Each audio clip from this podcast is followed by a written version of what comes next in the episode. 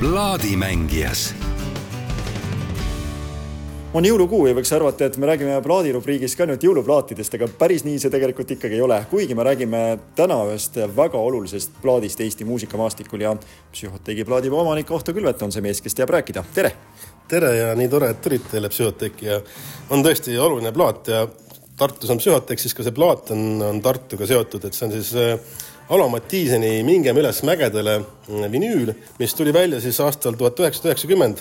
Salvestati ka, aga põhiline, miks ta oluline on, siin on siis peal need viis isamaalist laulu, mille saatel või mille abil või millega koos siis Eesti tegelikult iseseisvus on ju, ja mis ühendas äh, tol ajal siis väga-väga-väga-väga paljusid inimesi.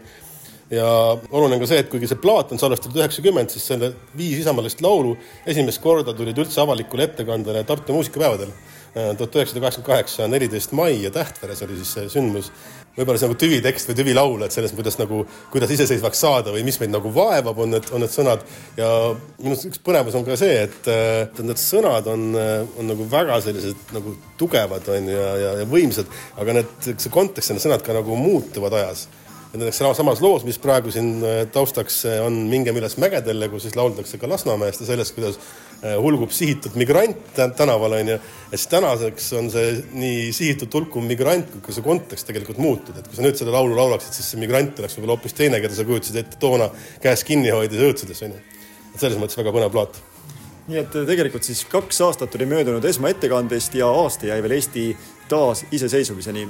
kas see väga õnnestunud isamaaliste laulude ettekanne kaheksakümne kaheksandal aastal võis olla põhitõuge, et üldse see plaat välja anda või? Kindlasti ja, ja, ja tegelikult see on imeline, et see plaat üldse välja tuli.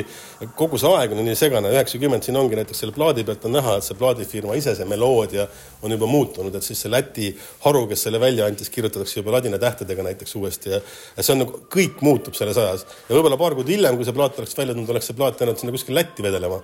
aga noh, siit on jõudnud Eestisse ja paljudel on see kodus olemas ja ma arvan, et seda võiks ka jah, tegelikult see võiks kodus olla, seda tehti õnneks ka palju et siin on peale kirjutatud üks number, mis vihjab, et seda võis olla seda eksemplari viisteist tuhat ükssada eksemplari. viisteist ükssada on väga suur tiraaž tänases, tänases Eestis oleks, et nii et seda võib ka leida mujalt aga samas, kui mõelda, kui palju rahvast käis tol hetkel kas Tartus või siis hiljem Tallinna Lauluväljakul, siis tõesti igaüks võis põhimõtteliselt plaadi osta. see plaat oleks seal kohe otsa saanud, et seal oli ju mingi kakssada tuhat inimest onju, et selles mõttes kõigil oli grammofon vanast ajast olemas ja võib-olla oleks võtnud kakski. tegelikult seal on kaks pressi tehtud, et see tiraaž on natuke suurem, aga mitte liiga suur. ja noh, sellise plaadina mina vabalt, vot nagu uus press võib-olla ei, ei ole praegu sellest mõtet teha, sest selle võiks need vanad ennem nagu üles otsida, aga aga mine tea, võib-olla ka uus pressil oleks oma jume, et selline talvise lumise ilmaga tegelikult sihuke nagu ülendav ja eks need laulud lauldi ja need, need käest hoiti kinni suvel onju. et kui sul tuleb meelde seda laulu kuuldes see suvi, siis see on ka sihuke nagu hing on soe kas ma liialdan, kui ma arvan, et see võib olla üldse ainus plaat või plaadi ümbris täpsemalt, millel on näiteks Lydia Koidula ja Friedrich Reinhold Kreutzwaldi pildid? suure tõenäosusega, et ega neid selliseid selle ajastu sõnade või muusikaga plaate nagu liiga palju pole tehtud, et need näevad seal kõrvuti saaks vinüülplaadile kahtlemata väga oluline plaat eestlastele ja ilmselt otsivad seda aeg-ajalt ka välismaalased, kes võib-olla pööravad tähelepanu just sellele ülemineku ajale ja selle tähtsusele. no vot, ma arvangi, et need välismaalased otsivad teda mitte muusikalistel põhjustel, vaid mingitel muudel põhjustel ja selles mõttes ta ongi, ta on ühiskondlikult väga oluline asi, et ta ei ole lihtsalt mingisugune muusikalirts, mis on välja lastud, vaid ta tegelikult muutis, muutis maailma ja muutis Eestit väga palju. on sul endal nii-öelda lemmik ka nendest isamaalistest lauludest olemas?